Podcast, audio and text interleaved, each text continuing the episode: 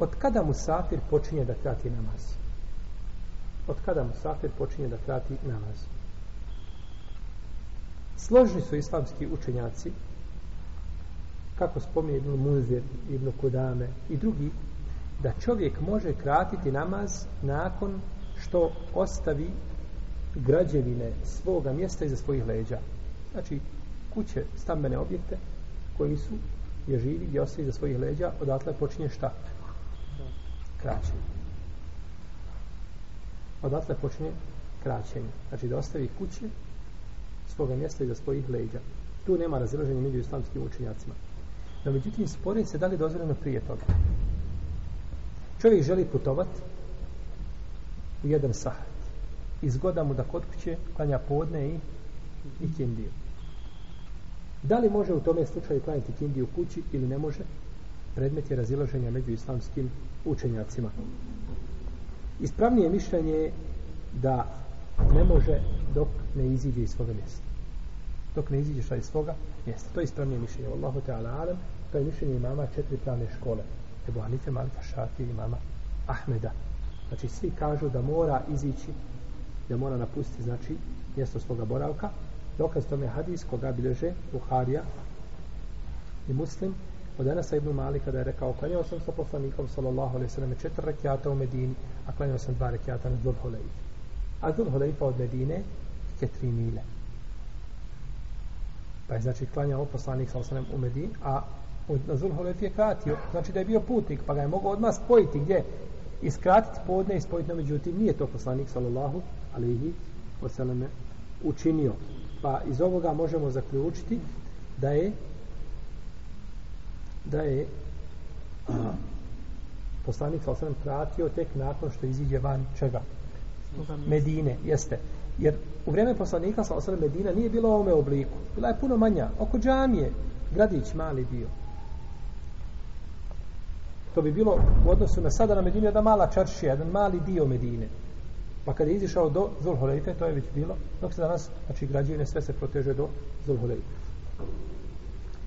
Našao sam kod Ibn Batala u njegovom dijelu, u njegovom komentaru na Buharin Sahi, u trećem tomu na 82. strani, da kaže složni su fakihi iz svih predijela da mu safir neće kratiti namaz dok ne napusti a znači ili dok ne pređe ili dok ne ostavi objekte stanovanja ili objekte znači kome ljudi borave iza svojih leđa objekte svoga mjesta on spominje konsensus međutim postoji pak razilaženje nije svaki konsensus koji je spomenut stvarni konsensus. Nekad ulema spomene konsensus, ali u stvari postoji šta? Postoji razilaženje.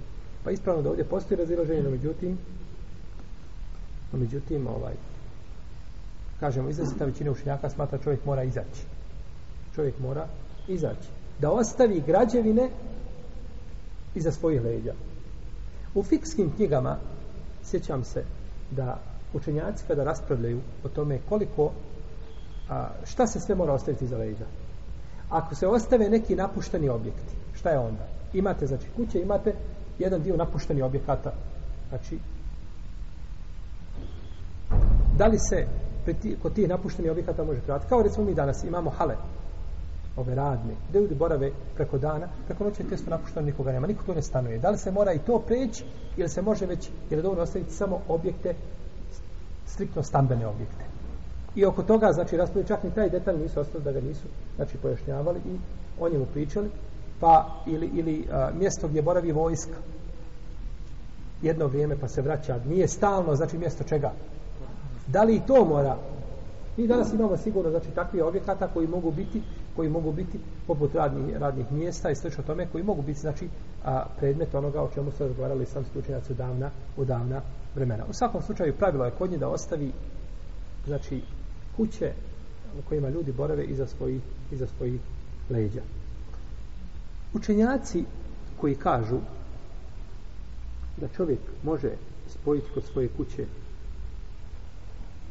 navode jedan dokaz koga autor nije ovdje spominjao navode predaju koja zbliži, koji bliže vam Ebu Davud za koju kaže šeha Albani da je vjerodostojna od Ubejda ibn Đubeira radijallahu anhu da je rekao izašao sam sa Ebu Basrom el-Gifarijem izišao sam sa njim na put pa kaže ovako stoji u predaj kod Ebu Davuda predaj bliži imam Ebu Davuda i bliži imam Ibn Kuzaim u svome sahihu kaže izišli smo a, pa nije još prešao od kuće znači mjesta boravka pa mi je rekao daj mi sofru sufra u arapskom je kod nas sofra, ali tako, to je isto, to je jedne, mi koristimo arapski izraz. Pa mu je rekao, Restetar al bujut, kaže, zar ne vidiš kuće, pa mi? Kaže, etergabu an sunneti Rasulillahi sallallahu alaihi wa sallam. Kaže, zar ćeš ostaviti sunnet poslanika sallallahu alaihi wa sallam? Tražio je da šta? Da prekine post. Kod Ebu Davuda se kaže da je bio, to, da je bio u Ramazanu. Jer da nije bio Ramazanu, ne bi bilo čega. Ne bi bilo tu uh, nikakvog, nikakve nejasnoće, jer svakako može prekinuti posto. Međutim, pitanje je Ramazana. Pa je krenuo i nije izišao van mjesta boravka, traži šta? Traži sof, traži ruč. Pa mu kaže ovaj, pa nisi još izišao, kaže, zar ćeš ostaviti sunet poslanika? Kaže, Ebu Basar, ovaj fari koji je bio šta? Asad.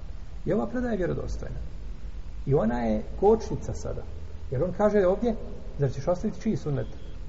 poslanika, pa je to hadis koji se veže za koga? Za poslanika, sallallahu sallam. I on je, i on je s jedne strane, ili sa jednog aspekta, u koliziji sa predojem Enesa, u kojoj kaže, klanjali smo u Medini podne četiri kjata, a na zuhe kolejite dva rekiata i kim nije. Pa šta je sada ovdje po srijedi? Ispravno je da su riječi ovoga Ubejda ibn Đubeira kada je rekao nije još izišao da je on mislio nisi se još odmakao negdje tamo daleko što je dokaz za to isti hadis ista predaja koje kaže zar ne vidiš kuće ha.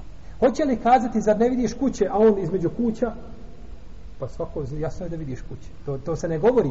Ja kaže, pa dobro, zar ne vidiš kuće? Znači, evo i za tvoji leđa tu su blizu. Kažu, kaže šta? E targa bon sunnet Rasulullah sa osrem. Zar ćeš ostaviti sunnet koga? Poslanika. Pa iz iste predaje zaključujemo da je on bio izišao, no međutim, riječi ovoga nije izišao, misli se šta nije, nije nešto posebno odmah kao nego je bio tu blizu, a to nema veze.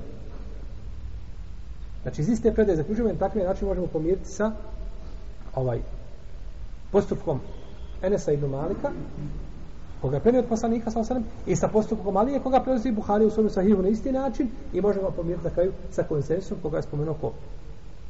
Ibn Bakpal, u svome komentaru da Buhari u sahih. Pa mi na takav način znači, uskladili značenja ovih predaja, i ispravno je da čovjek krati namaz tek kada iziđe, znači, iz mjesta boravka. To je danas, Allahu alem, u mnogo slučajeva biva ona tabla gdje je ime grada, piše Tuzla, pa je precrtana. Tu negdje, ili možda posle toga, to je tu negdje. Pa se razlikuje ovo čovjeka koji živi u jednoj maloj čaršiji i čovjeka koji živi u Velegradu.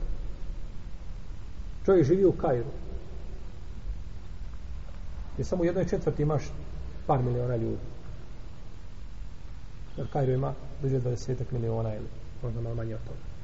I čovjek sada putuje s jednog dijela na drugi dio grada. Sve je to šta?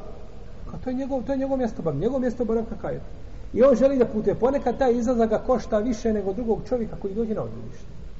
Kad je gužva, još kad se sama pori tamo ovaj, nisu upaljeni kako treba,